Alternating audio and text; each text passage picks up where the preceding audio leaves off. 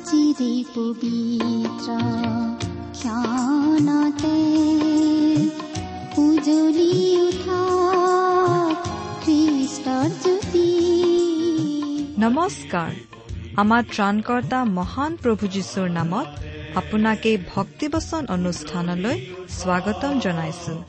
এয়া মুকলি কৰিছো ঈশ্বৰৰ জীৱিত বাক্যৰ ধাৰাবাহিক অনুষ্ঠান ভক্তিবচন। কৰি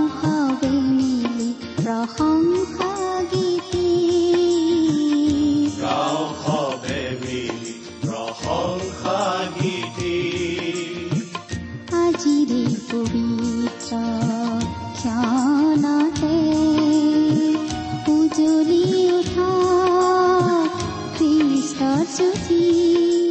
আপোনাৰ জীৱনত যদি শান্তি পাব বিচাৰে তেন্তে এয়া ঈশ্বৰৰ বাক্যৰ সান্তনা বাক্য ভক্তি বচন।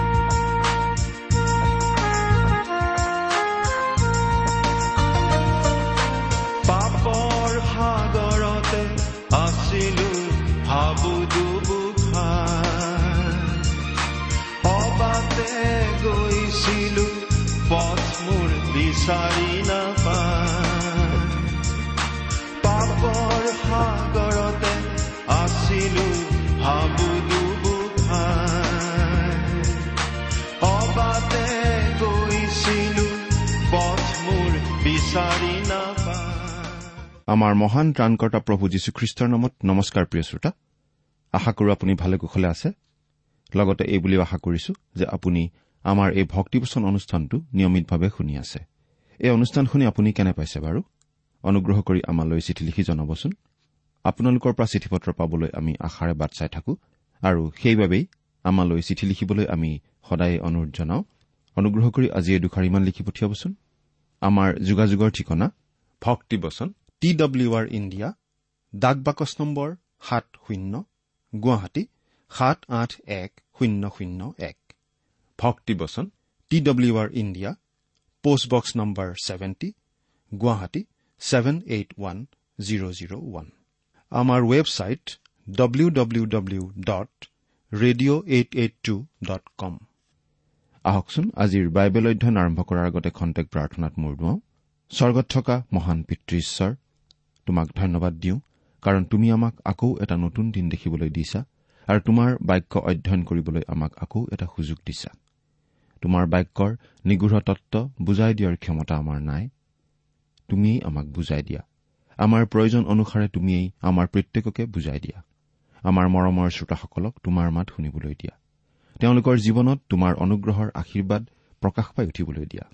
এই অনুষ্ঠানৰ আৰম্ভণিৰ পৰা শেষলৈকে তুমি আমাক পৰিচালিত কৰা।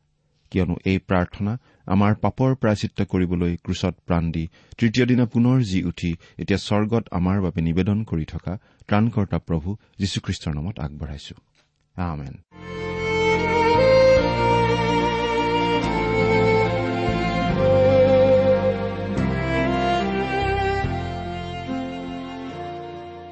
প্ৰিয় শ্ৰোতা আপুনি বাৰু আমাৰ এই ভক্তিবচন অনুষ্ঠানটো নিয়মিতভাৱে শুনি আছেনে? আপুনি যদিহে আমাৰ এই অনুষ্ঠানটো নিয়মিতভাৱে শুনি আছে তেনেহলে আপুনি নিশ্চয় এই কথা জানে যে আমি আজি কিছুদিন ধৰি বাইবেলৰ নতুন নিয়ম খণ্ডৰ ইব্ৰীবিলাকৰ প্ৰতি পত্ৰ নামৰ পুস্তকখন অধ্যয়ন কৰি আছো। নহয় জানো? এই পুস্তকখনক আমি চমুকৈ ইব্ৰী পুস্তক বুলিয়েই কওঁ। আপুনি বাৰু আমাৰ যোৱা অনুষ্ঠানটো শুনিছিল নে? আমি বাৰু কি আলোচনা কৰিছিলো? আপোনাৰ মনত আছেনে? যোৱা অনুষ্ঠানত আমি এই ইব্ৰী পুস্তকখনৰ আঠ নম্বৰ অধ্যায়ৰ দুই নম্বৰ পদলৈকে পঢ়ি আমাৰ আলোচনা আগবঢ়াইছিলো নহয়নে বাৰু? আজি আমি ইব্ৰী পুস্তকখনৰ আঠ নম্বৰ অধ্যায়ৰ তিনি নম্বৰ পদৰ পৰা আমাৰ আলোচনা আগবঢ়াই নিব খুজিছো। প্ৰিয় শ্ৰোতা এই ইব্ৰী পুস্তকখনত আমি এই বিষয়টোৱেই প্ৰায় আলোচনা কৰি আছো যে প্ৰভু যীশুখ্ৰীষ্ট আমাৰ মহাপুৰোহিত। তেওঁ নিত্য পুৰোহিত। তেওঁ সৰ্বশ্ৰেষ্ঠ পুৰোহিত। তেওঁ আজি স্বৰ্গত পিতৃ ঈশ্বৰৰ সোঁহাতে বহি প্ৰতিজন খ্ৰীষ্টীয় বিশ্বাসীৰ বাবেই নিবেদন কৰি থাকে। আঠ নম্বৰ অধ্যায়ত আমি বিশেষভাৱে এই কথাটো পঢ়িবলৈ পাওঁ যে নতুন নিয়মটো পুৰণি নিয়মতকৈ শ্ৰেষ্ঠ। প্ৰভু যীশুৰ যোগেদি যি নতুন নিয়ম স্থাপিত হ'ল। সেই নতুন নিয়মটো পুৰণি নিয়মতকৈ শ্ৰেষ্ঠ। এতিয়া বাইবেলৰ পৰা পাঠ কৰি দিব খুজিছো। ইব্ৰী আঠ নম্বৰ অধ্যায়ৰ তিনি আৰু চাৰি নম্বৰ পদ। আপোনাৰ লগত যদি বাইবেল আছে অনুগ্ৰহ কৰি চাই যাব। যদিহে লগত বাইবেল নাই আমি পাঠ কৰি দিম অনুগ্ৰহ কৰি মন দি শুনিব। ইব্ৰী আঠ নম্বৰ অধ্যায়ৰ তিনি আৰু চাৰি নম্বৰ পদ। কিয়নো প্ৰত্যেক মহাপুৰোহিত উপহাৰ আৰু বলিদান উৎসৰ্গ কৰিবলৈ নিযুক্ত হৈছে। এতেকে তেওঁ যিহক উৎসৰ্গ কৰিব পাৰে তেওঁৰ এনে কিবা থাকিবৰ আৱশ্যক। বাস্তৱিক তেওঁ পৃথিৱীত থকা হলে পুৰোহিত নহলহেঁতেন। কিয়নো বিধান অনুসাৰে উপহাৰ আদি উৎসৰ্গ কৰাবিলাক আছে।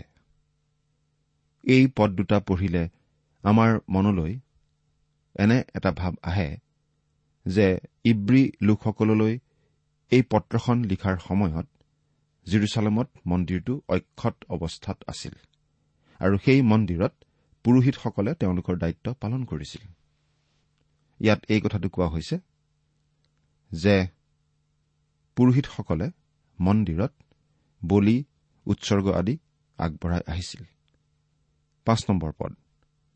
তেওঁবিলাকৰ আৰাধনা স্থান স্বৰ্গীয় স্থানৰ নকল আৰু ছাঁ মাথোন কিয়নো মুচি যেতিয়া তম্বুৰ নিৰ্মাণ সম্পন্ন কৰিবলৈ উদ্যত আছিল তেতিয়া তেওঁ এই আদেশ পাইছিল যেনে ঈশ্বৰে কৈছে সাৱধান পৰ্বতত যি নমুনা দেখুওৱা হল সেইদৰে সকলোকে কৰা। আমি এই বুলি বিশ্বাস কৰো যে ঈশ্বৰে যেতিয়া অৰণ্যত মুচিক নিয়মতম্বু নিৰ্মাণ কৰিবলৈ আৰ্হিটো দিছিল। তেওঁ আচলতে স্বৰ্গত থকা সেই মন্দিৰৰ আৰ্হিতহে সেইটো সাজিবলৈ দিছিল।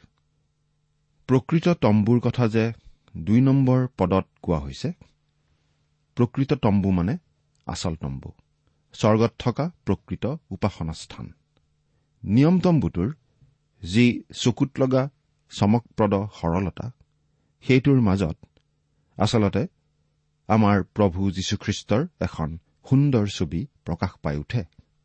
সেইটো কিন্তু পিছত নিৰ্মাণ কৰা মন্দিৰৰ জটিল আৰু বাহুল্য ভৰা গঠনত আমাৰ চকুত নপৰে। সেই নিয়ম তম্বুটোক কোৱা হৈছিল তম্বু বুলি।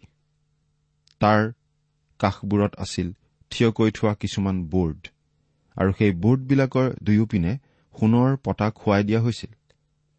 সেই তম্বুটো আছিল ত্ৰিশ হাত দীঘল আৰু দহ হাত বহল। আৰু সেইটো দুভাগত বিভক্ত কৰা হৈছিল। প্ৰথমটো ভাগক কোৱা হৈছিল পবিত্ৰ স্থান বুলি আৰু তাত তিনিবিধ আচবাব আছিল। সোণৰ দীপাধাৰ দৰ্শন পিঠাৰ সোণৰ মেজ আৰু সুগন্ধি দ্ৰব্য আগবঢ়াবৰ বাবে সোণালী বেদী। তাত থকা সোণৰ বেদীত সুগন্ধি দ্ৰব্যৰ বাহিৰে আন একো বলি আগবঢ়োৱা হোৱা নাছিল। সেই দীপাধাৰ আছিল খ্ৰীষ্টৰ এটা প্ৰতীক কাৰণ খ্ৰীষ্টই হৈছে জগতৰ পোহৰ। আনহাতে দৰ্শন পিঠাৰ মেজ আছিল খ্ৰীষ্টৰ আন এটা প্ৰতীক। কিয়নো প্ৰভু যীশুখ্ৰীষ্টই হৈছে জীৱন ৰুটি জীৱন দিওঁতা আহাৰ। মহাপুৰোহিতে প্ৰাৰ্থনা আগবঢ়োৱা সেই সোণৰ বেদীটোৱেও খ্ৰীষ্টক প্ৰতিনিধিত্ব কৰিছিল। কাৰণ খ্ৰীষ্টই আমাৰ বাবে প্ৰাৰ্থনা নিবেদন আগবঢ়োৱা মহান নিবেদক। আনহাতে মহাপ্ৰাচিত্ৰৰ দিনাখন মহাপুৰোহিতে মাজৰ আঁৰ কাপোৰখন পাৰ হৈ ভিতৰ কোঠালি অৰ্থাৎ অতি পবিত্ৰ স্থানত সোমাইছিল। সেই অতি পবিত্ৰ স্থানত দুটাহে মাত্ৰ আচবাব আছিল। প্ৰথমটো হৈছে নিয়ম চন্দুক। সেই নিয়ম চন্দুকটো আছিল ভিতৰে বাহিৰে সোণৰ পতা লগোৱা কাঠৰ এটা চন্দুক। তাৰ ভিতৰত ৰখা হৈছিল দহ আজ্ঞা লিখা থকা শিলৰ ফলি দুখন মান্না ৰখা ঘট এটা আৰু গজালি ওলোৱা হাৰুণৰ লাখুটিডাল। সেই দহ আজ্ঞাই বুজাইছিল যে এদিন সেই গোটেই বিধান সিদ্ধ কৰিবলৈ প্ৰভু যীশুখ্ৰীষ্ট এই পৃথিৱীলৈ আহিব। প্ৰভু যীশু এই পৃথিৱীলৈ আহিছিল আৰু সেই দহ আজ্ঞা সম্পূৰ্ণৰূপে পালন কৰি তেওঁ দেখুৱাইছিল। একমাত্ৰ তেওঁৱেই দহ আজ্ঞা খুটি নাটি মাৰি পালন কৰি দেখুৱাইছিল। সেয়েহে আজি প্ৰভু যীশুক বিশ্বাস কৰা লোকসকলে দহ আজ্ঞা পালন কৰাৰ নিচিনাই হয় কাৰণ আমাৰ হৈ প্ৰভু যীশুৱে সেই আজ্ঞা পালন কৰিলে। আনহাতে মান্না ৰখা ঘটটোৱে বুজাইছিল যে আনকি আজিও প্ৰভু যীশুৱেই হৈছে জীৱন দিওঁতা আহাৰ। গজালি ওলোৱা হাৰুণৰ লাখুটিডালে খ্ৰীষ্টৰ পুনৰুত্থানৰ কথা বুজাইছিল। খ্ৰীষ্টই যে মৃত্যুক জয় কৰি কবৰৰ পৰা জি উঠিল সেই কথাটো বুজাইছিল। আৰু দ্বিতীয়তে নিয়ম চন্দুকৰ ওপৰত অতি জাক জমককৈ সজোৱা এখন ঠাই আছিল। সেইখন আছিল অনুগ্ৰহৰ সিংহাসন। ইয়াৰ ওপৰত আছিল সোণেৰে পিটি নিৰ্মাণ কৰা দুটা কৰূপ দূত। বছৰত এবাৰকৈ মহাপুৰোহিতে সেই অনুগ্ৰহৰ সিংহাসনত বলিৰ তেজ লগাইছিল আৰু সেইকাৰণেই সেইখনক অনুগ্ৰহৰ সিংহাসন বুলি কোৱা হৈছিল। সেইখিনি আছিল ঈশ্বৰৰ উপস্থিতিৰ ঠাই অৰ্থাৎ সেই ঠাই আছিল ঈশ্বৰে ইছৰাইলৰ লোকসকলক লগ পোৱাৰ ঠাই। নিয়মতম্বুৰ চাৰিওপিনে আছিল এখন চোতাল।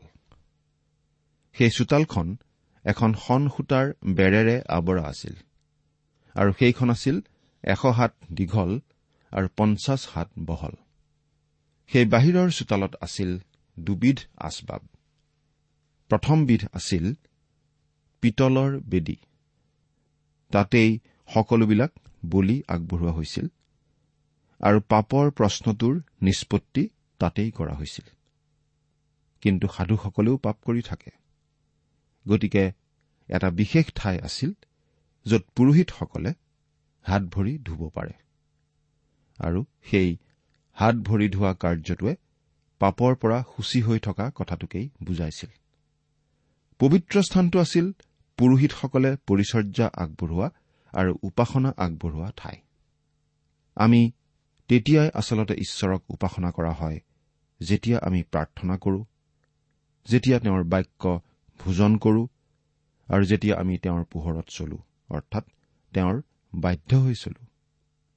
মহাপুৰোহিতৰ বাহিৰে আন কোনেও সেই ভিতৰৰ কোঠাত সোমাব নোৱাৰিছিল আৰু মহাপুৰোহিতজনেও বছৰত মাত্ৰ এবাৰহে সেই ভিতৰ কোঠা অৰ্থাৎ অতি পবিত্ৰ স্থানত সোমাইছিল। কিন্তু প্ৰভু যীশুৱে ক্ৰুচত মৃত্যুবৰণ কৰাৰ লগে লগে অতি পবিত্ৰ স্থান পৃথক কৰি ৰখা সেই আঁৰ কাপোৰখন ফাটি দুভাগ হৈ গৈছিল। তাৰ অৰ্থ এইটোৱেই আছিল যে প্ৰভু যীশুৱে তেওঁৰ ক্ৰুচীয় মৃত্যুৰ যোগেদি চিৰদিনৰ বাবে আমালৈ পথ মুকলি কৰিলে অতি পবিত্ৰ স্থান অৰ্থাৎ ঈশ্বৰৰ উপস্থিতিলৈ যোৱাৰ। আমি কথাখিনি এই বুলিও ক'ব পাৰো যে এই পৃথিৱীত মাটিত আনুভূমিক হিচাপে থকা ঈশ্বৰৰ নিয়ম তম্বুটো প্ৰভু যীশুৱে দাঙি লৈ উলম্ব দিশত থিয় কৰি দিলে আৰু অতি পবিত্ৰ স্থানটো এতিয়া আছে স্বৰ্গত। কাৰণ এতিয়া তেওঁ তাতহে আছে। আকৌ পৰৱৰ্তী অধ্যায়ত আমি পঢ়িবলৈ পাম যে সুগন্ধি দ্ৰব্য আগবঢ়োৱা সোণৰ বেদী আৰু নিয়ম চন্দুকো এতিয়া স্বৰ্গতহে আছে। সেইকেইটা তাত আছে কাৰণ খ্ৰীষ্ট এতিয়া তাত আছে। যদিহে আপুনি ইছৰাইলীয়া লোকবিলাকৰ সৈতে অৰণ্যত থাকিলেহেঁতেন তেনেহলে আপুনি এইটো দেখা পালেহেঁতেন যে সেই নিয়ম চন্দুকটো আছিল চাউনীৰ একেবাৰে মাজভাগত আৰু তাৰ চাৰিওপিনে আছিল বেলেগ বেলেগ ফৈদবিলাকৰ তম্বুবিলাক। আপুনি দিনত সেই নিয়ম তম্বুৰ ওপৰত দেখিলেহেঁতেন মেঘৰ স্তম্ভ আৰু ৰাতি দেখিলেহেঁতেন জুইৰ স্তম্ভ।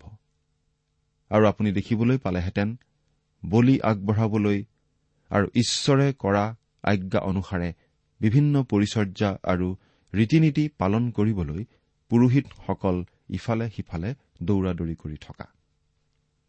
কিন্তু পুৰণি নিয়মৰ দিনৰ সেই সকলোবোৰ আছিল। ভৱিষ্যতে আহিবলগীয়া বাস্তৱৰ ছাঁ মাথোন বাস্তৱটো আছিল স্বৰ্গত। আৰু আজি প্ৰভু যীশুখ্ৰীষ্ট আছে স্বৰ্গৰ নিয়ম তম্বুত আপোনাৰ মোৰ বাবে পৰিচৰ্যা আগবঢ়ায়। এতিয়া হয়তো আপুনি এই বুলি ভাবিছে যে এই বিশেষ অংশটোৰ আৰম্ভতেই পত্ৰখনৰ লিখকে টান আহাৰ খুৱাব বুলি কৈছিল। কিন্তু আমাৰ এতিয়াও গাখীৰ খাই থকাৰ নিচিনাহে লাগিছে। এতিয়ালৈকে আমি যিবোৰ কথা আলোচনা কৰি আছো সেইবোৰ অতি সহজ সৰল যেন লাগিছে। আমিনো গভীৰ কথা কেতিয়া আলোচনা কৰিম? আচলতে আমি এতিয়াই গভীৰ বিষয়ৰ কথা আলোচনা কৰিব ধৰিছো। কথাখিনিৰ আৰম্ভণিতেই আমি আপোনাক এটা ব্যক্তিগত প্ৰশ্ন সুধিব খুজিছো। প্ৰিয় শ্ৰোতা খ্ৰীষ্ট বাৰু এতিয়া আপোনাৰ বাবে বাস্তৱনে যদিহে আপুনি ভাবে যে কিছুমান ৰীতি নীতি পালন কৰি সুন্দৰকৈ গীৰ্জা উপাসনা চলালেই হ'ল। অৱশ্যে আমি সেইটো ক'ব খোজা নাই যে সুন্দৰ গীৰ্জা উপাসনা আদি আমি চলাব নালাগে কিন্তু যদি সেইটোৱেই প্ৰকৃত উপাসনা বুলি আপুনি ভাবি আছে আৰু যদিহে আপুনি ভাবি আছে যে ছানডে স্কুলৰ ক্লাছত শিকালেই নাইবা গায়ক দলত যোগ দি গীত গান কৰিলেই ঈশ্বৰৰ পৰিচৰ্যা কৰা হয় তেনেহলে আপোনাক আমি লগতে আৰু অলপ কথা কবলগীয়া আছে। প্ৰিয় শ্ৰোতা এই ইব্ৰী পত্ৰখনৰ লিখকে আমাক এই কথাটোৱেই ক'ব বিচাৰি আছে যে এই মুহূৰ্তত প্ৰভু যীশু আপোনাৰ হকে মোৰ হকে স্বৰ্গত আছে। সেই কথাটোৱে আপোনাক বাৰু কি বুজায়? আপোনাৰ জীৱনত বাৰু সেই কথাটোৰ অৰ্থ কি? আমি মাৰ্থাৰ নিচিনাকৈ বাচন বৰ্তনৰ মাজত ব্যস্ত হবলৈ এৰাৰ সময় হ'ল। আমি যীশুৰ চৰণত বহো আহক। আমাৰ জীৱনত তেওঁক বাস্তৱ হবলৈ দিওঁ আহক। আপুনি যেতিয়া ঘৰৰ পৰা বাহিৰ ওলাই যায় তেতিয়া বাৰু লগত যীচুক লৈ যায়নে? তেওঁৰ উপস্থিতি আপুনি অনুভৱ কৰেনে? তেওঁ স্বৰ্গত আছে আপোনাৰ হৈ পৰিচৰ্যা কৰি। আপোনাক সহায় কৰি।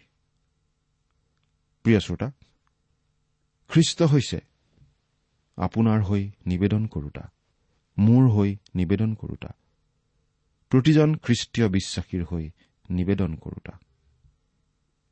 আমি তেওঁৰ গুৰিলৈ যাব লাগে পাপ স্বীকাৰ কৰিবলৈ। কিন্তু মানুহবোৰে তেওঁলোকৰ সমস্যাৰে মণ্ডলীৰ পালকক একেবাৰে জুৰুলা কৰে। মানুহবোৰে কেৱল আন মানুহৰ পৰাই পৰামৰ্শ বিচাৰি থাকে। কিন্তু মানুহবোৰে প্ৰভু যীশুৰ কথা পাহৰি থাকে। প্ৰিয় শ্ৰোতা যীশু বাৰু আপোনাৰ বাবে বাস্তৱ নহয়নে? আমি খ্ৰীষ্টীয় বিশ্বাসী হিচাপে কেঁচুৱা হৈ থাকিলে নহ'ব? অনবৰতে কোলাত লৈ কঢ়িয়াই ফুৰিব লগা অৱস্থাত থাকিলে নহ'ব। আমি বৃদ্ধি পাব লাগিব। আৰু আমাৰ জীৱিত ত্ৰাণকৰ্তা প্ৰভু যীশুৰ উপস্থিতিলৈ আমি আহিব লাগিব। এই ইব্ৰী পত্ৰখনৰ লিখকে আচলতে আমাক সেই কথাই কৈ আছে। ঈশ্বৰে আমাৰ চকুৰ পৰা আঁৰ কাপোৰ গুচাই দিয়ক আৰু প্ৰভু যীশুখ্ৰীষ্টক আমাৰ বাবে বাস্তৱ কৰি তোলক। তেওঁৰ সমস্ত ক্ষমতা তেওঁৰ সৰ্বাত্মক পৰিত্ৰাণ তেওঁৰ সমস্ত প্ৰেম আৰু আমাৰ বাবে থকা তেওঁৰ বিশেষ চিন্তা আৰু সহানুভূতিৰে তেওঁক আমাৰ বাবে প্ৰকৃত অৰ্থত ঈশ্বৰে বাস্তৱ কৰি তোলক। এইটো আমাৰ সকলোৰে প্ৰাৰ্থনা হোৱা উচিত।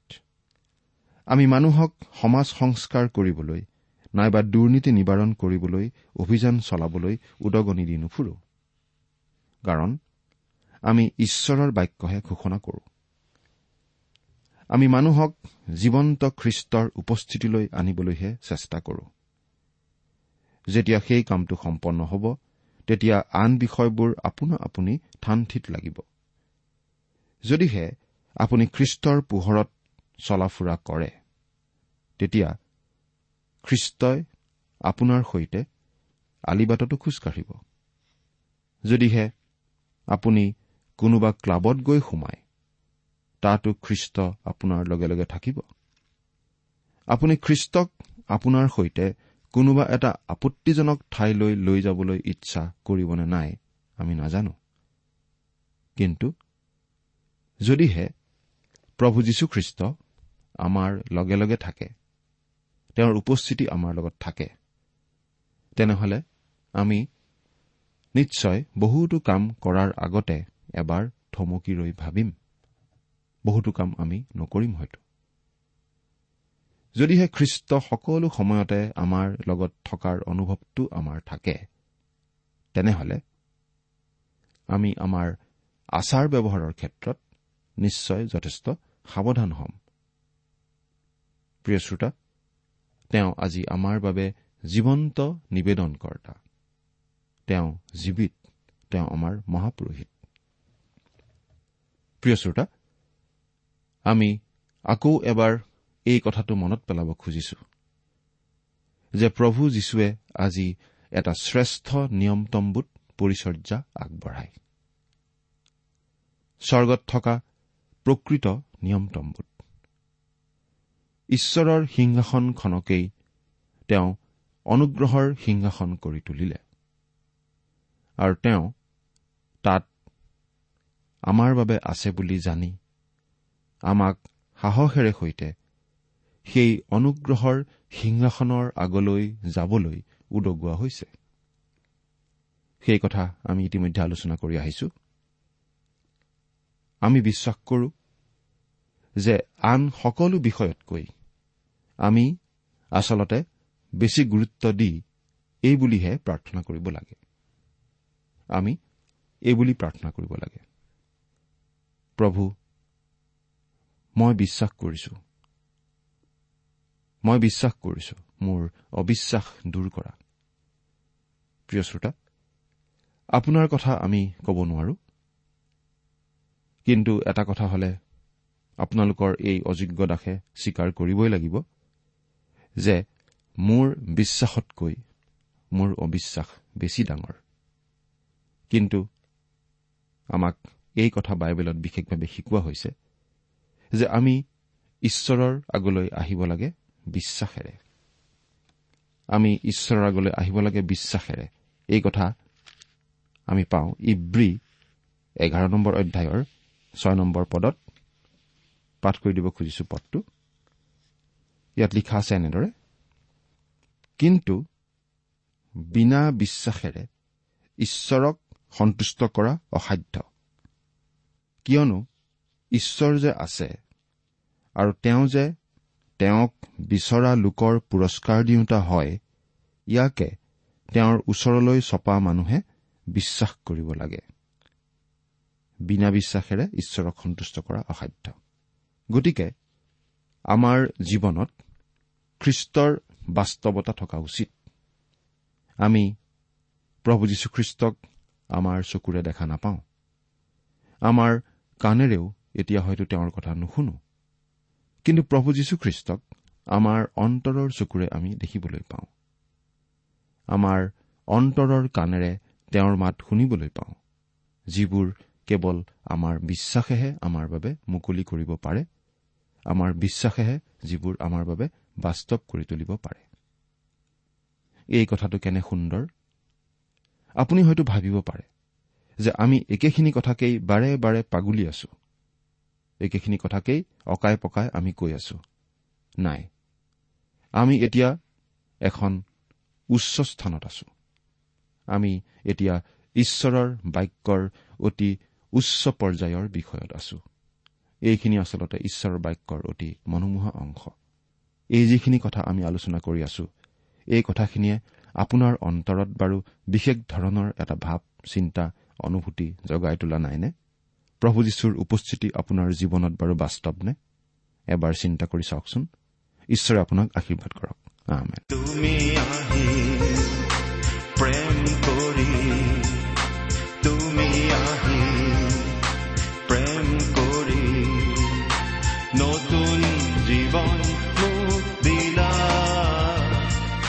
যিছু মোক ইমান পৰে আপুনি ভক্তিবচন অনুষ্ঠানটি শুনিলে। অনুষ্ঠানটি শুনি কেনে পালে? আমালৈ চিঠি লিখি জনাবচোন। অনুষ্ঠানত প্ৰচাৰ কৰা কোনো কথা বুজিব লগা থাকিলেও আমালৈ লিখক।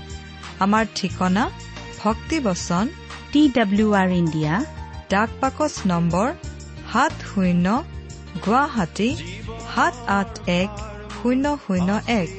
ঠিকনাটো আৰু এবাৰ কৈছো ভক্তিবচন টি ডাব্লিউ আৰ ইণ্ডিয়া ডাক পাকচ নম্বৰ সাত শূন্য গুৱাহাটী সাত আঠ এক শূন্য শূন্য এক। আপুনি ইমেইল যোগেৰেও আমাৰ সৈতে যোগাযোগ কৰিব পাৰে। আমাৰ ইমেইল আইডিটো হৈছে Assamese T TV at radio' eight eight two dot com. আইডিটো আকৌ এবাৰ কৈছো। Assamese T TV at radio' eight eight two dot com. আপুনি টেলিফোনৰ মাধ্যমেৰেও আমাক যোগাযোগ কৰিব পাৰে। আমাৰ টেলিফোন নম্বৰটো হৈছে শূন্য তিনি ছয় এক দুই ছয় শূন্য চাৰি ছয় সাত এক। ফোন নম্বৰটো আকৌ এবাৰ কৈছো zero' three six one two six zero' four six seven one. আজিৰ অনুষ্ঠানটি ইমানতেই সামৰিছো। ঈশ্বৰৰ শান্তি আৰু অনুগ্ৰহ আপোনাৰ লগত থাকক। ধন্যবাদ। মোৰ বাবে প্ৰাণ দিলা যিছু মোৰ